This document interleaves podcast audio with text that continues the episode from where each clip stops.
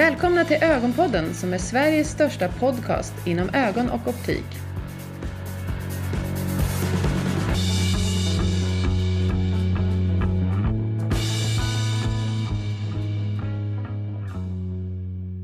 Välkomna till Ögonpodden. Mitt namn är Madeleine Olsson och idag har jag med mig Johan Ryberg. Jag vet att du har fullt upp Johan och ett ganska hektiska veckor just nu så eh, roligt att du tog dig tid att hinna spela in den här podden. Ja men självklart, det är jättekul att vara här och det ska bli riktigt kul att vara med er Ja, podcast. härligt!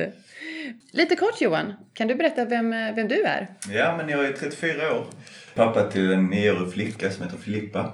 Bor i södra delarna av Sverige, söder om Malmö i en by som heter Höllviken, där jag faktiskt också är uppvuxen. Jag eh, utbildade mig till optiker i Köpenhamn och blev färdig år 2010 i januari där. Härligt! Hur kommer det sig att du valde att utbilda dig till just eh, optiker? Ja, just eh, optikeryrket så brukar man dela in optikerna i två läger. Antingen så har man någon i familjen som varit optiker, typ en förälder eller sådär som får dig in på det där spåret. Eller så ser du riktigt dåligt själv. Och jag var ju den, den som såg väldigt dåligt. Och jag, eh, just när jag gick gymnasiet där så gick jag hockeygymnasiet i Malmö där jag kombinerade studierna med att spela ishockey. Och då eh, skulle jag ju, den primära planen var ju att bli hockeyproffs. Ja. Men eh, när jag var 17 så skadade jag mig i ryggen och insåg någonstans där att eh, det var bra att ha någon backup-plan. Eh, och precis under den perioden så gjorde jag faktiskt en synundersökning och satt hos min optiker i Malmö. Då kom jag liksom på på något sätt där att eh, jag har alltid tyckt det var väldigt häftigt hur, hur bra de kunde få mig att se liksom av att snurra på de här rattarna och skruva på lite knappar. Så där och då bestämde jag mig faktiskt för att bli optiker. Och eh, då gjorde jag som så att jag skolkade från nästa lektion och så gick jag istället till studie och yrkesvägledare på skolan och bad honom kolla upp hur jag kunde bli optiker. Och då nämnde han den här utbildningen i Köpenhamn som tilltalade mig väldigt mycket tack vare då att eh, de hade väldigt mycket praktik. Eh, så en stor del av den utbildningen var ju praktik och man var tvungen att ha en praktikplats. Och den praktikplatsen fick jag faktiskt lite tack vare min optiker jag gick hos där i Malmö som heter Stefan Sköld. Vad, vad spännande att höra och väldigt roligt att höra om din hockeykarriär också. Mm. och eh, det var ju den som gav dig insikter till att eh, bli optiker. Ja men faktiskt. Och om vi stannar kvar lite vid att du valde att bli just optiker. Hur har du jobbat de senaste åren? Ja, jag jobbade ju mina första åtta år som optiker på Optiker Branning i Lund där jag faktiskt gjorde min praktik då. Eh, och då introducerades jag väldigt tidigt för speciallinser eh, redan under praktikperioden egentligen. Så där fick jag en väldigt fin och gedigen utbildning i de här kontaktlinserna som sklerala linser och nattlinser och så vidare. Vi började väldigt tidigt också jobba med det här med myopikontroll, alltså behandling av närsynthetsutveckling. Vilket är ett ämne som jag har engagerat mig i de, mycket de senaste åren. Det gjorde också att jag senare efter några år på Branning blev erbjuden att ehm, ha hand om utbildningen av den här typen av kontaktlinser för en av Nordens största, eller Nordens största distributör för den här typen av kontaktlinser. Eh, ett företag som heter Ensize. Uh, där fick jag då ansvar för, eh, ansvar för utbildningen av nattlinser och sklerala linser i Sverige och Norge. Eh, vilket var ett väldigt roligt uppdrag som framförallt gav mig möjligheten att skapa ett väldigt stort kontaktnät eftersom jag jobbade väldigt mycket i, i två olika länder. Och det gjorde i sin tur sen att jag fick väldigt mycket uppdrag att hålla föredrag i de här ämnena runt om på olika event och utbildningar inom branschen. Eh, så föreläsningar är någonting som jag fortsatt eh, med även nu trots att jag inte längre jobbar direkt för eh, Ensize. Nej precis och eh, idag jobbar ju du och jag tillsammans eh, varannan vecka på mm. Bright. Precis. Och även om jag vet vad du gör, kan du berätta lite om det arbetet som du gör idag? Ja men absolut. Jag jobbar ju som du sa tillsammans med dig på Bright Optical där jag eh, har ansvar för eh, utbildningen. Eh, vi har ju fyra interna konferenser varje år som ska arrangeras och planeras. Och eh, parallellt med det så sköter jag den löpande uppföljningen av företagets eh, ekonomiska situation där jag sammanställer och analyserar resultatet i förhållande till budget. Eh, vilket jag tycker är väldigt roligt. Jag gillar ju siffror och ekonomi så det är en kul eh, ja, Det är vi glada för. och dessutom så är jag involverad i lite nya spännande projekt som vi, ehm, som vi har men som vi inte riktigt kan avslöja här idag ju. Men eh, riktigt, riktigt roligt. Eh, och parallellt med jobbet på Bright Optical så jobbar jag fortfarande kliniskt som optiker på eh, Optiker Branning i Lund där jag främst tar hand om tillpassningen av deras speciallinser. Eh, och utöver det så eh, tar jag fortfarande uppdrag som föreläsare inom de ämnena som jag spe specialiserat mig inom. Så jag har väl en kanske relativt unik arbetssituation där jag dels veckopendlar till Stockholm och eh, även jobbar med både utbildning och ekonomi samt att jag jobbar kliniskt och dessutom föreläser. Ja, verkligen otroligt varierande veckor mm. För dig. I och med att du jobbar eh, med så många olika saker i branschen så kanske du kan berätta lite om eh, vad du tror kommer hända inom eh, optikbranschen de närmsta åren? Ja, jag tror ju att utbildning och utveckling kommer bli allt viktigare i vår bransch. det, är en ny generation optiker som, som utbildas just nu i vår bransch och går lite mer åt den kliniska inriktningen. Man ser ju hur allt fler optiker läser vidareutbildningar som magister eller DO eller kanske till och med masterutbildningar. Så jag skulle gissa att en tredjedel av de nyutbildade optikerna kommer att genomgå en sån där typ av vidareutbildning och utöka sin kompetens helt enkelt. Och en annan aspekt är ju det ökande engagemanget av branschorganisationerna som eh, årligen anordnar utbildningsdagar.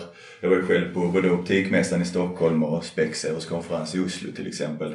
Eh, där Specsavers faktiskt har varit en av de som mest har visat framfötterna vad det gäller utbildning för optiker. Så utbildning och utveckling och kompetensutveckling tror jag kommer att vara ledorden eller det som tar oss till nästa nivå.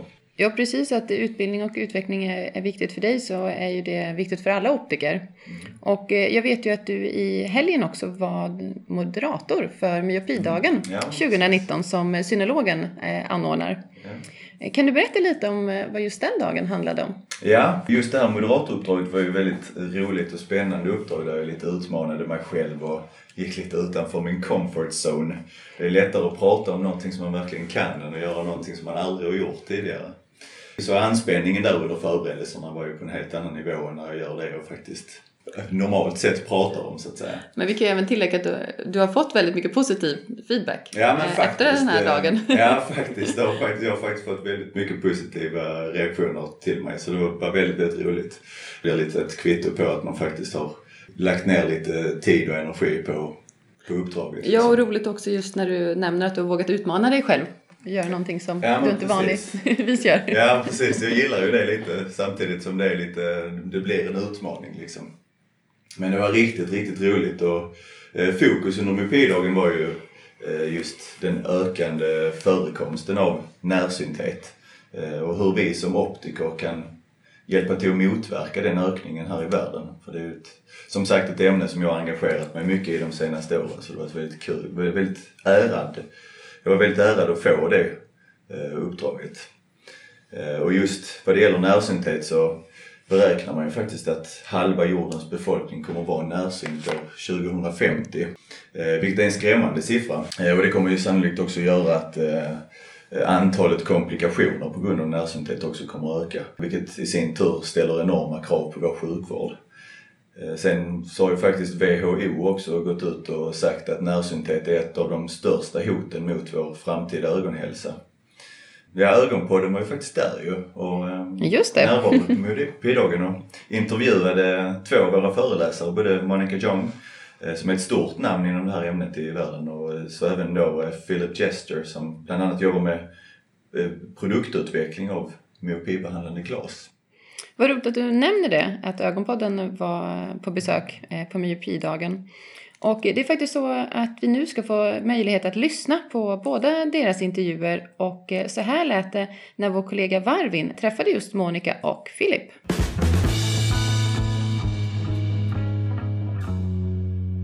Welcome Monica. Thank you. It's a pleasure to be here today. Tell us a little bit about you. Who are Monica? I'm a researcher and an educator. I've been working in the area of myopia for about six years now. Prior to that, I was in another area of research. And my research in myopia is looking at uh, treatments in myopia, how to slow it down, um, also looking at what the risk factors for myopia are. And I've also been involved in the public health aspect of uh, myopia, trying to have myopia recognised on the world agenda at the WHO level and the government level. And most of my work is done, has been done at the Brian Holden Vision Institute and the International Myopia Institute, which I'm the executive director for. And part of the work at the International Myopia Institute is that we've brought together all the leading researchers in myopia. And that's because so much research is done in the area of myopia that doesn't reach the practitioners.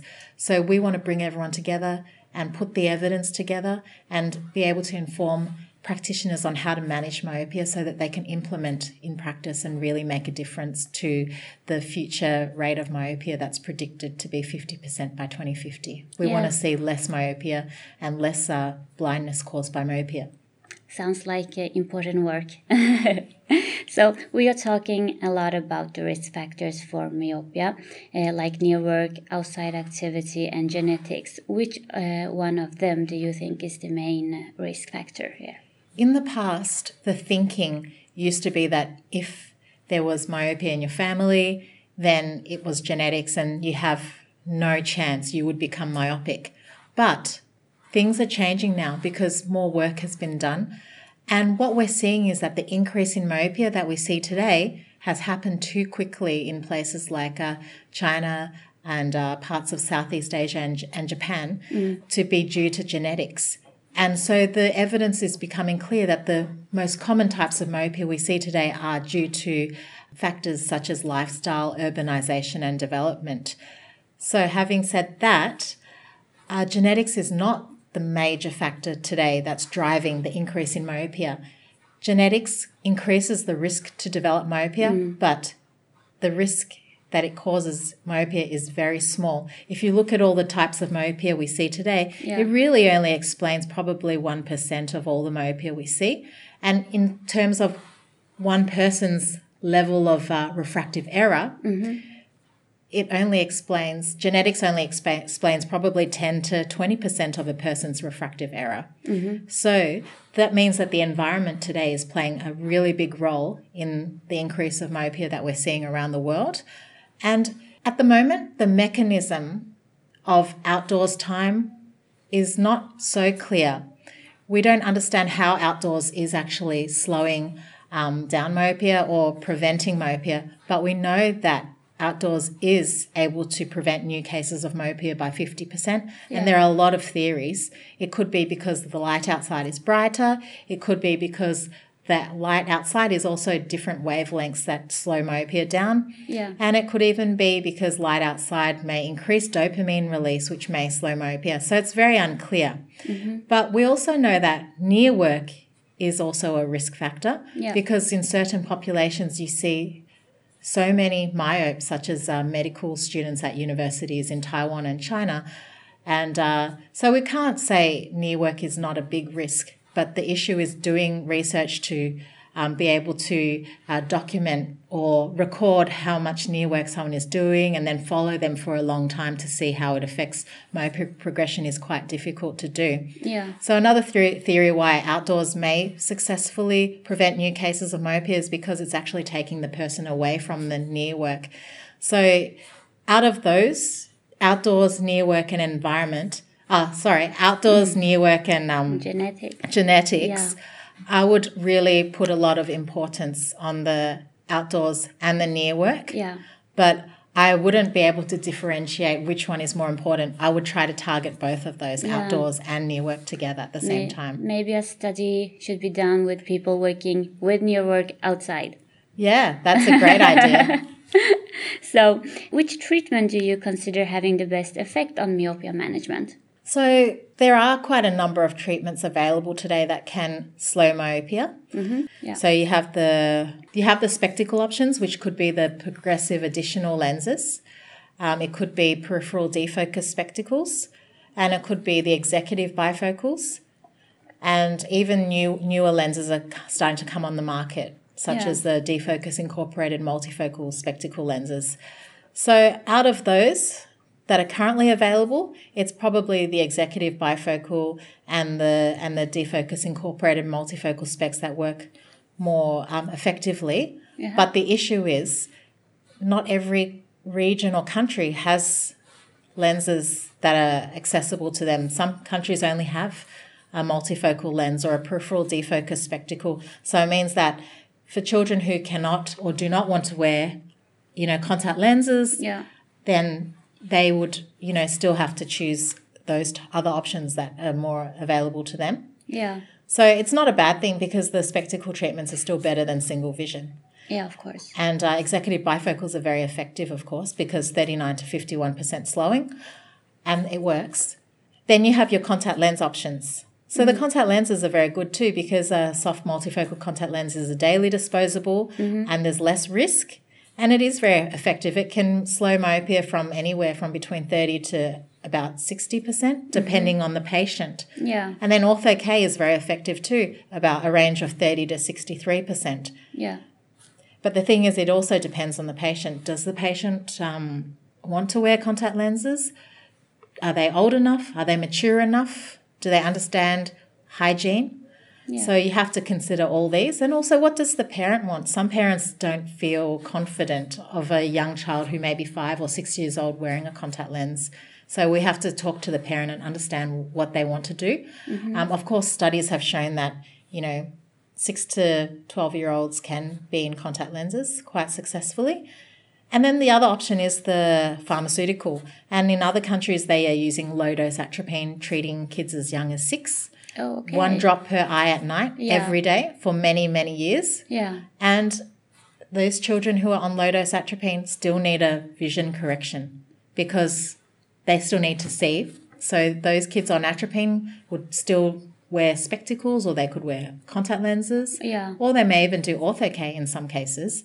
So pharmacological treatments like atropine still have their risks too because we don't know um, what happens long term when you're using a drop for such a long period of time, especially in young children. Yeah. The So- study hasn't been done yet. Well, the studies have only been done for up to five years. Okay. Yeah. Mm. And so we, we do need to consider all the options and look at the patient. Are they somebody who's progressing very quickly? If they're progressing very quickly, then maybe you want to use, you know, a, a combination therapy. So combining the atropine with another type of optical treatment together. And if it's a if it's someone who's a bit older, like 17 and they're myopic, then maybe it's not such a big risk because they're an older age, they're not going to progress so much. So you could you could easily go for a contact lens or a spectacle treatment option. You don't have to be so so aggressive and do drug therapy as well as optical.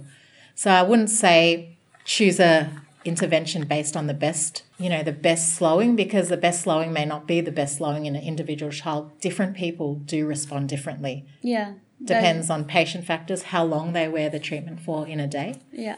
Does it matter like how old they are? The studies are not clear about if you use a treatment in an older kid, if it works better than it's the same treatment in a younger kid. We just know that as a child becomes older with age, their myopia does also naturally slow down. Yeah. And so, you know, when a child is younger, they're increasing myopia much more faster. Mm-hmm. You've definitely got to start treating them as soon as they are diagnosed with myopia. Yeah. Thank you, Dr. Monica Jong, for being with us today. I wish you a pleasant afternoon and I hope to hear more from you in the future. Thank you very much. It was a pleasure to be here today. Thank you.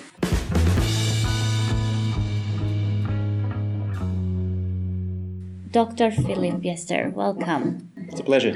Uh, tell us a bit more about you. My name is Philip Jester, and I'm the head of lens design solutions at Carl Zeiss Vision, which means uh, that uh, for every spectacle lens Zeiss sells, a member of my team has had his hands on it, uh, meaning defining the front and the back surface of the lens, and therefore is responsible for the optical performance of this lens. What is needed for successful myopia management? We believe that uh, myopia is a multifactorial uh, issue, and that means that there is not one magic pill that can cure uh, myopia. So that's why we think there are a number of different treatments are needed. Of course, the easiest way uh, to uh, prevent uh, or help uh, preventing myopia is um, sending kids outdoors. That's one thing that has really proven to be uh, efficient. The other thing can be pharmaceuticals. If you're keen to uh, treat uh, young kids uh, that do not yet have an issue with their eyes with uh, pharmaceuticals, of course, there are uh, ortho K lenses uh, that do change the anatomy of the eye, which is a bit tricky. and there are contact lenses uh, helping. But what we believe, what, what is the safest solution, are spectacle lenses. So special myopia management uh, spectacle lenses that show that they have an impact on the prescription. Would you say that is for all ages? Especially for young kids, spectacles are a good option because they are very safe. Mm-hmm. While you, you always have the issue with, with contacts or with the ortho-K, ortho-K you um, have trouble with the hygiene. So it's uh, tricky to educate the people and tell the parents that they have to uh, observe their kids when they do this. With spectacles, it's just put on, put on and go. yeah, that is true. Did you experience any differences in the outcome of the results during uh, the studies due to different parts of the world? Well, to, to be fair, um, most of the clinical trials done for uh, myopia with spectacles are, have been done in Asian countries on Asian kids. Okay. And so I would not tell that one can really say, okay, in this region it works, in that we region it does not work. It's a tough question. Do you think the study will be expanded to other areas? Yes, of course.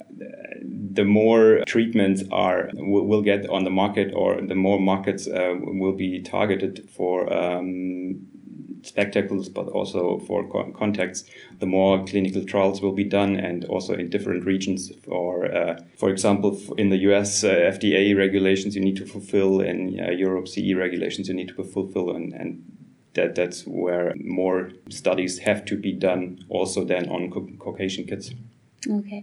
If I have understood this correctly, this is not available in Sweden yet. Do you have any time aspect for when this could be available in the Swedish market? So, so we currently have two uh, products in Asian markets, uh, Zeiss MyoVision and Zeiss MyoKids. Mm-hmm. Yes, they are not available currently in the European market, but that really relates to uh, the uh, thing I, I said before that we as a company need uh, to be responsible with our uh, customers, and that means we need to uh, test these lenses first on Caucasian kids. Mm-hmm. Such that we can really um, have a good feeling when we put it on market in European and uh, countries and in the US. Thank you, Dr. Philip Jester, for being with us today, and I wish you a pleasant afternoon. Thank you.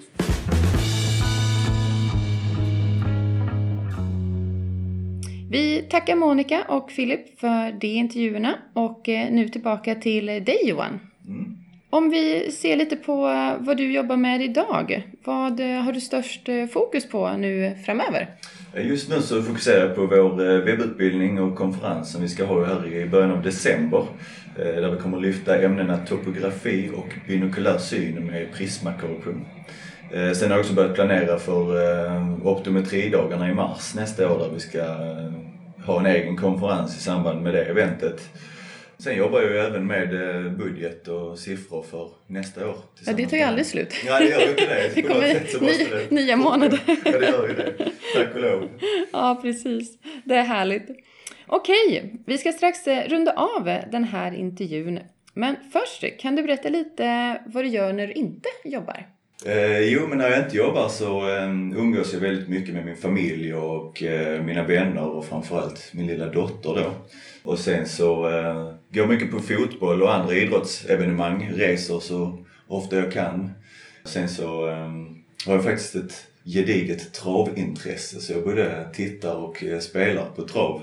Och jag har det faktiskt som en eh, halvprofessionell hobby där jag faktiskt eh, har möjligheten att tjäna lite pengar på mitt eh, travintresse dessutom. Ja, men jag har ju förstått att du har lagt ner, eller du lägger ner några timmar i veckan Ja, det är, det är väldigt många timmar faktiskt man lägger ner. Och det, man önskar ibland att man hade lite fler dagar och lite fler timmar per dygn för att hinna med allt man vill göra. Ja, men så är det. Vi, vi är många som önskar det. Precis, så är det. Tack Johan och eh, tack alla lyssnare som var med oss det här avsnittet och eh, vi hörs snart igen.